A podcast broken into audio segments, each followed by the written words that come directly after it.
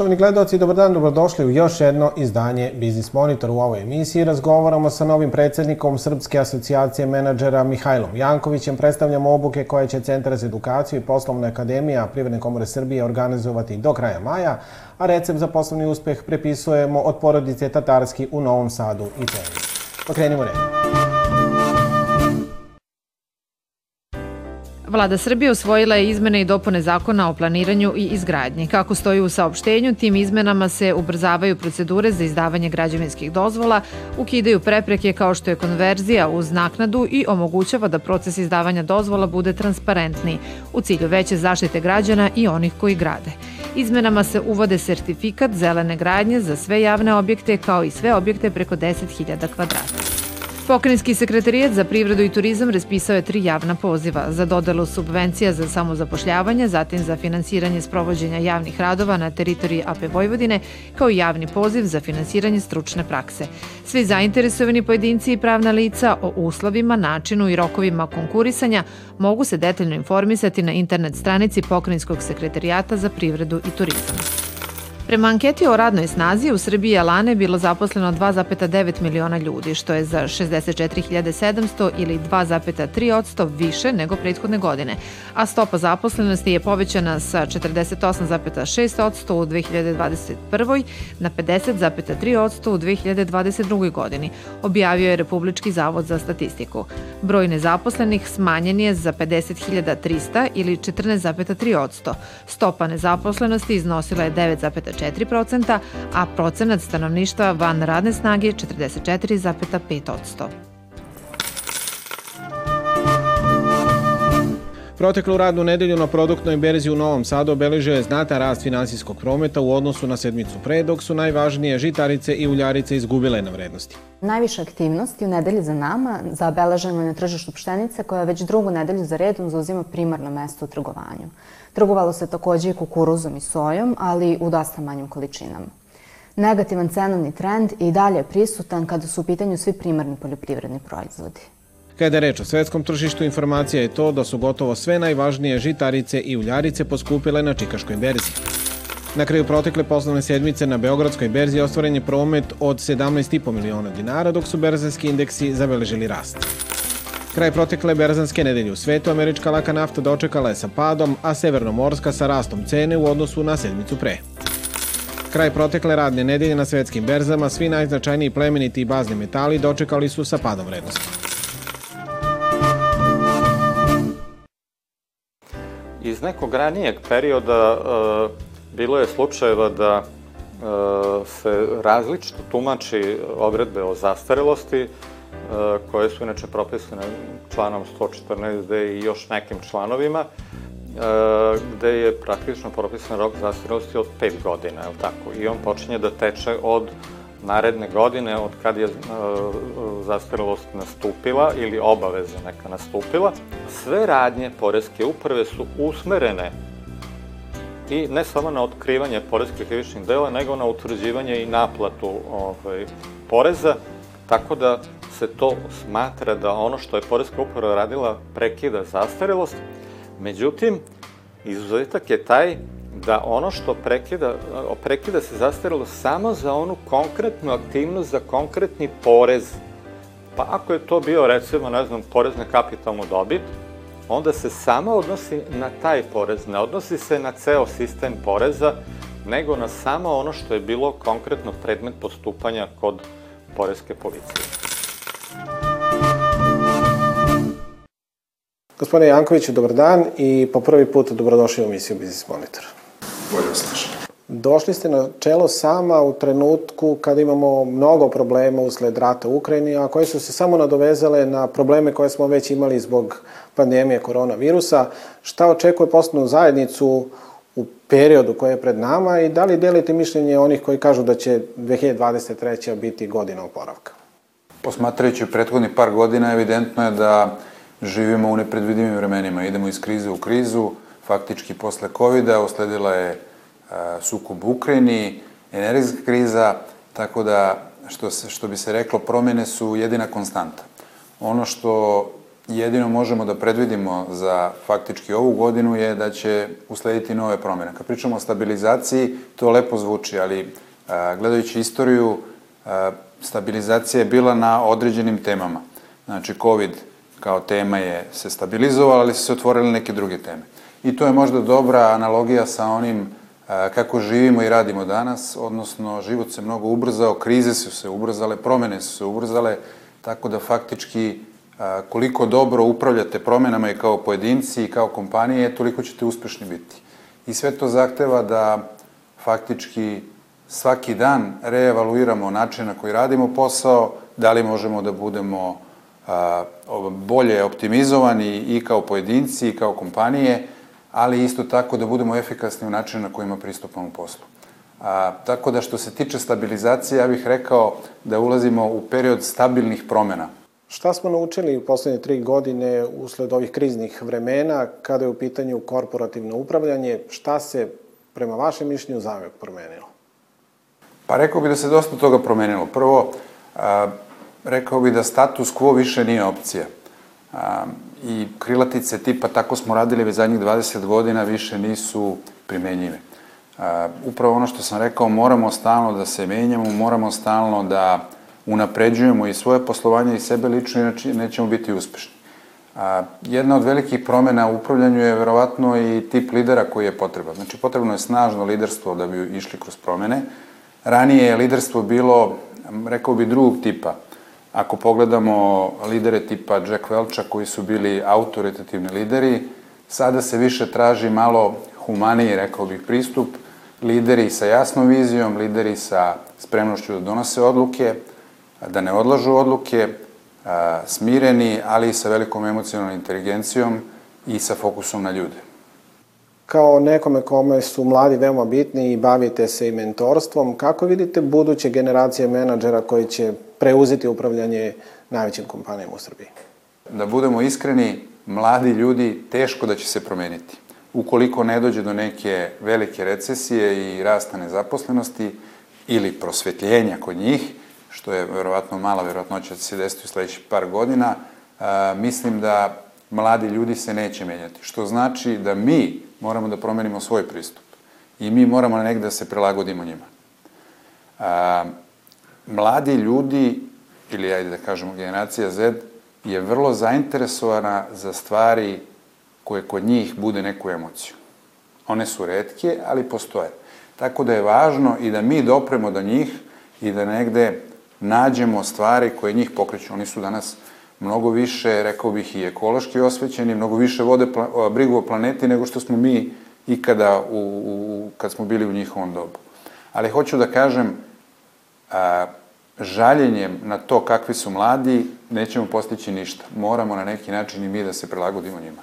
I možda je mentorstvo koje ste pomenuli jedan od načina da dopremo do njih. Sam ima, izvinjam se, sam ima mentorski program već 8 godina, koji je jako uspešan, ali siguran sam da i mnoge moje kolege koji su na nivou generalnih direktora ili direktora sektora već godinama unazad men, e, formalno ili neformalno mentorišu mnoge mlade ljude. I za kraj, šta ste zacrtali kao cilj koji morate da ostvarite u svom mandatu na čelu sama u narednih nekoliko godina?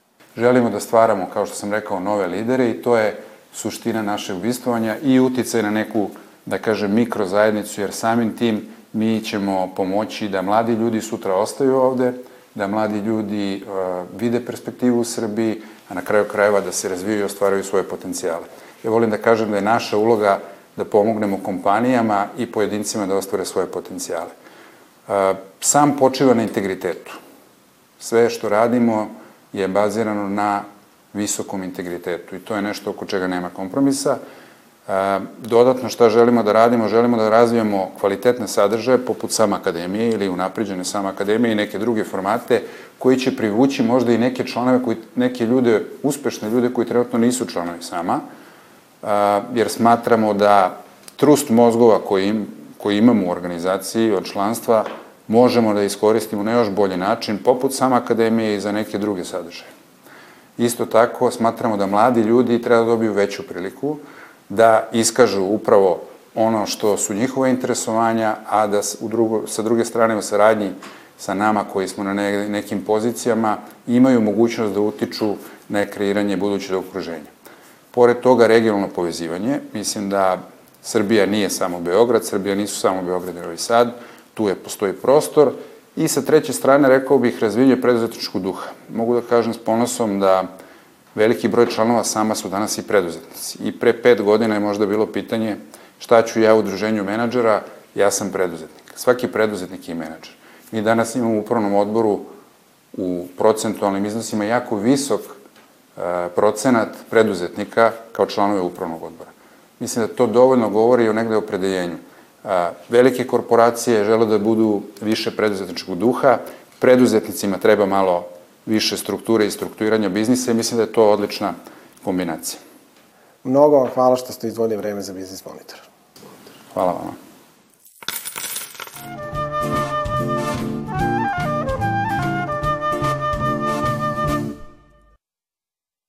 Centar za edukaciju Privredne komore Srbije poziva sve zainteresovane pojedince da se prijeve na jednodnevnu radionicu na temu veštine komunikacije koja će se održati 17. maja. Cilj treninga jeste da polaznici uz pomoć stručnog nadzora instruktora, odnosno trenera, procene svoje lične potencijale, zatim prepoznaju, odnosno osveste koji su to prostori za unapređenje i na koji način genetika, odnosno iskustvo, utiče na način na koji mi razmišljamo, odnosno komuniciramo. Na treningu će se takođe posvetiti dosta pažnje jačanju nekih drugih veština koje su u funkciji veštine komunikacije, a to su veštine slušanja, ali i empatija koja je jednako važna a, u komunikaciji kako negovati a, empatiju. A osim toga, tokom maja Poslovna akademija Privredne komore Srbije organizovaće i obuku na temu kako se osmišljava, kreira i vodi uspešna je prodavnica. Koje proizvode možemo ponuditi, koje probleme na ovaj način rešavamo, koji tip elektronske prodavnice e, da kreiramo, e, kako se obraćamo kupcima, kako targetiramo kupce i e, kako merimo efikasnost elektronske prodavnice, sve će to biti obrađeno na radionici koja počinje 26. maja, nastavlja se 30. maja i završava 6. juna ove godine. Na sve obuke koje organizuje Centar za edukaciju i poslovna akademija, zainteresovani učesnici mogu se prijaviti i dan pred njihov početak, a svi neophodni detalji o načinu prijeve i učešća mogu se pronaći na internet stranici Privredne komore Srbije.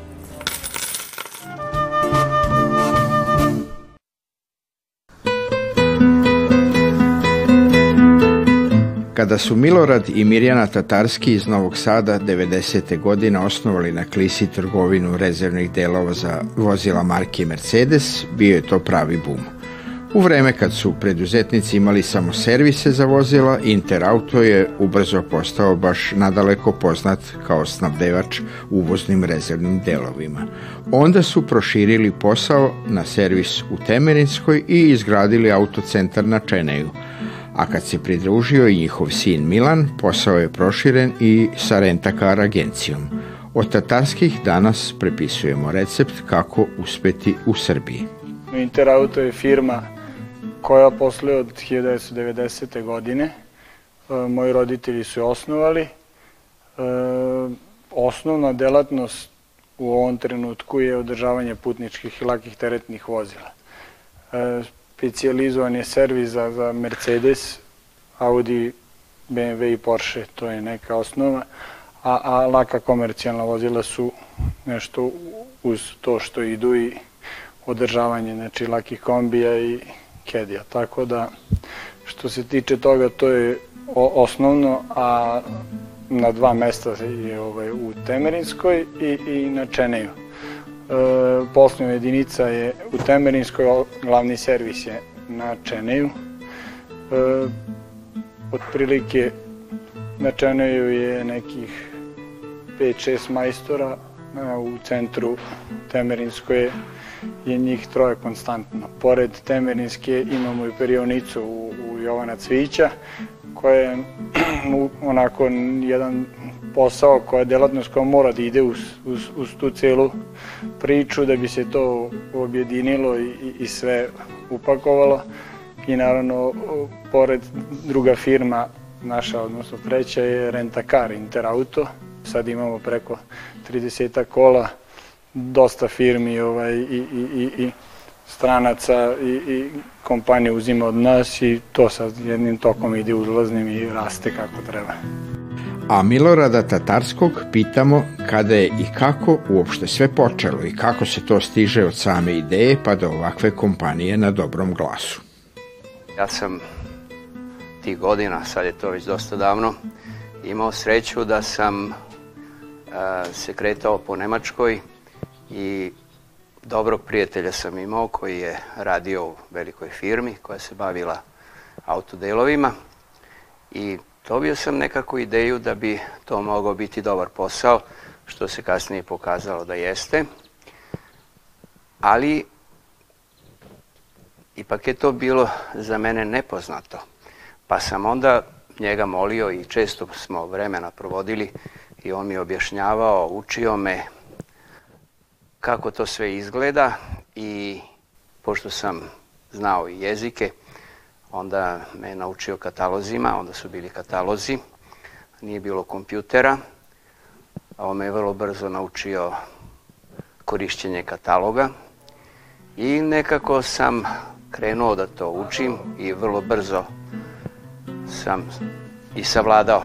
Kupci su bili iz bliza iz daleka, dolazili su nam recimo iz Niša, iz Bosne, iz Subotice.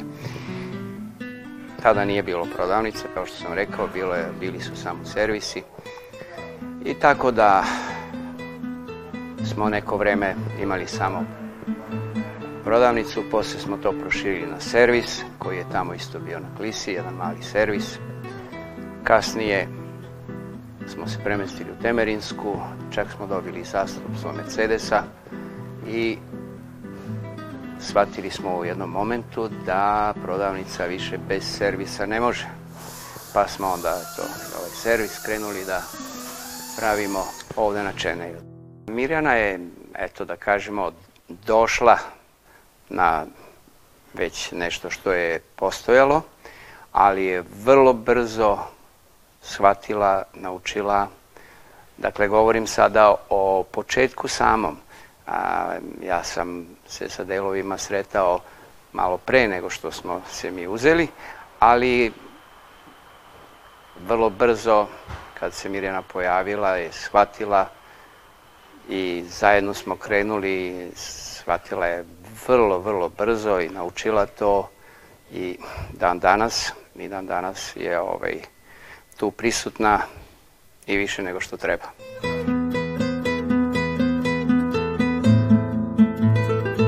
Onda došao i sin koji je isto shvatio da mu je to dobra budućnost i vrlo je sposoban i vredan i on to je sada nastavio, proširio, što je najvažnije, proširio je a, nešto što supruga i ja nismo mogli i nismo hteli. On je prihvatio i to, recimo renta kar koji je vrlo, vrlo težak posao Kakav to čovek, gledajući iz vašeg iskustva, treba da bude pravi preduzetnik? Treba da ima ideju, hrabrost, upornost, srećnu zvezdu, e, sve to zajedno ili nešto peto. Kako je bilo u vašem slučaju? U privatnom biznisu e, ne može da, da se bude uspavan ili kako da kažem. Mora da, da, da od, od ranog jutra, meni jednom prilikom moj prijatelj je ovaj kum iz Beča Bane rekao ako hoćeš da budeš ovaj, uspešan i sve moraš prvi da budeš u firmi. Da li to bilo ovaj, za bilo koji posao i pre radnika da dođeš i da poslednji odeš. To je cijela suština priča. U principu nekad, nekad ovaj, se desi da, da u 7 ujutru dođemo i da, da izađeš u 8, 9 uveče, toliki obim posla i sve. A, a opet ima to svoje prednosti, naravno. Kojih se principa i načela držite u svom poslu svakog dana? Koja bi to bila formula za poslovni uspeh? Jednostavno mora da se održi reč. Reč i, i, i to je, mislim, na, najbitnije u celoj priči i da se bude korektan. Znate kako, kad je velik obim posla i različitih ljudi i, i firmi, svega, uvek nastane problem. E, bitno je da se, i ako nastane problem u bilo kom trenutku da se taj problem e, odmah eliminiše i rešava. Šta je u vašem poslu najteže? A šta opet najlepše? Pa najteže je okupiti taj tim ljudi koji je dobar i naći dobrog, dobrog radnika i majstora. To je najteže generalno, što je, što je problem u celoj Srbiji i sve će biti više, ali hvala Bogu mi imamo ovaj, jako dobar tim i, i, i korektne momke i izuzetne majstore koji su na prvom mestu porodični. Meni je najbitnije kad zapošljamo ljude, da li to bili momci od 18-19 godina da, da rade u perionici, mi ne tražimo da, da, da mora da bude obučen. Lakše nam je da nekog obučemo i da napravimo od njega kako treba, nego da dođe neko ko je pogrešno, pogrešno izgrađen i naučen, onda je to najgore. A na svu sreću smo imali takvu situaciju da, da imamo dobar tim oko sebe i mi smo kao jedna porodica. Najbolje saznam kući kad dođem s porodicom, to je tad je ovaj, kad se završi poslovni dan. Šta ko radi u ovom porodičnom biznisu? Ko je za šta zaslužan, a za šta odgovoran? I kad ste vi porodica, a kad ste menadžment firme? Mirjana, mama, je zadužena za, za delove.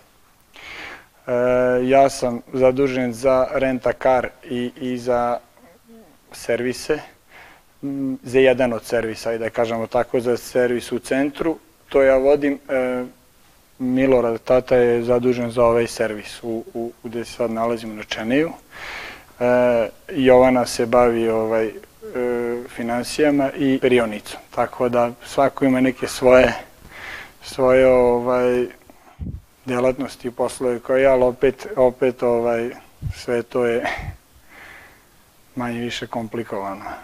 Kako je to uopšte biti preduzetnik u Srbiji danas? Šta vam je u tome lepo? Što ste sam svoj gazda, a šta vam najviše smeta? Pa, u svakom trenutku, kad, kad sutra danas treba nešto da izađeš, možeš da izađeš, ne, da, da, da obaviš, da, da, da odeš do banke, da odeš do, do doktora ovde, ako naravno ako sve ostalo je teže, ali zato sve to ima svoju cenu, nije i prednost. Generalno mislim da, da je najveći problem vezan za servis i za renta kar u državi to što je privrednik i preduzetnik kako god su nezaštićeni. Vas ukoliko će neko da prevari, on može da dođe da vas prevari, može da vam ne plati. Puno puta je bilo da se ljudi napravili da neće da plate, da dođu da, da kažu kao šta, nisi me pitao da, da li treba se popravlja auto, da li, da li je to toliki iznos, da li ću ja želim uopšte da platim, neću ja ti platim i onda dođu prave scene. Međutim, ovaj, to se reši sve, da li sudskim putem, srećom toga ima jako malo. I na kraju Biznis Monitora mi uvek pitamo šta je za vas poslovni uspeh, a šta lična sreća. Najbitnije je taj dobar glas koji je ovaj, definitivno koji je glavni za, za, za uspeh. Jer ako neko, neko kaže tamo su prevaranti i ima mno, raznoraznih priča i slučajeva gde, gde, gde su ovaj, ljudi rade nekorektno i bave se koje kakvim mahinacijama i to je normalno, da to je kratko, kratko trajno. To može da se jedno, dva puta uradi i kad se to pročuje, onda ovaj, a, a firma možda mi i, i važimo za jedne od skupljih u gradu, ali smo zato jedan od tri najbolja servisa. I najbitnije mislim da sa svima i sa našim kolegama i sa konkurencijom ja sam izuzetno dobar u izuzetnim odnosima i družimo se i sve, mislim da je to isto vrlo bitno. Treće je, je da, da, da mi je porodica zdrava i, i, i uspešna, eto to. A na prvom mestu zdravlja, a drugo je sad naravno da je, sreća što veću firmu imaš, što mada, mala firma, mali problemi, velika firma, veliki problemi i tako da to je isto kao i kod dece. Toliko za ovaj put. U narednoj emisiji između ostalog istražujemo poslovanje srpske privrede u okviru CEFTA regiona, a recept za poslovni uspeh prepisujemo od Dane i Petra Drgičevića u Novom Sadu. Vidimo se za nedelju dana u isto vreme na isto mestu. Doviđenja.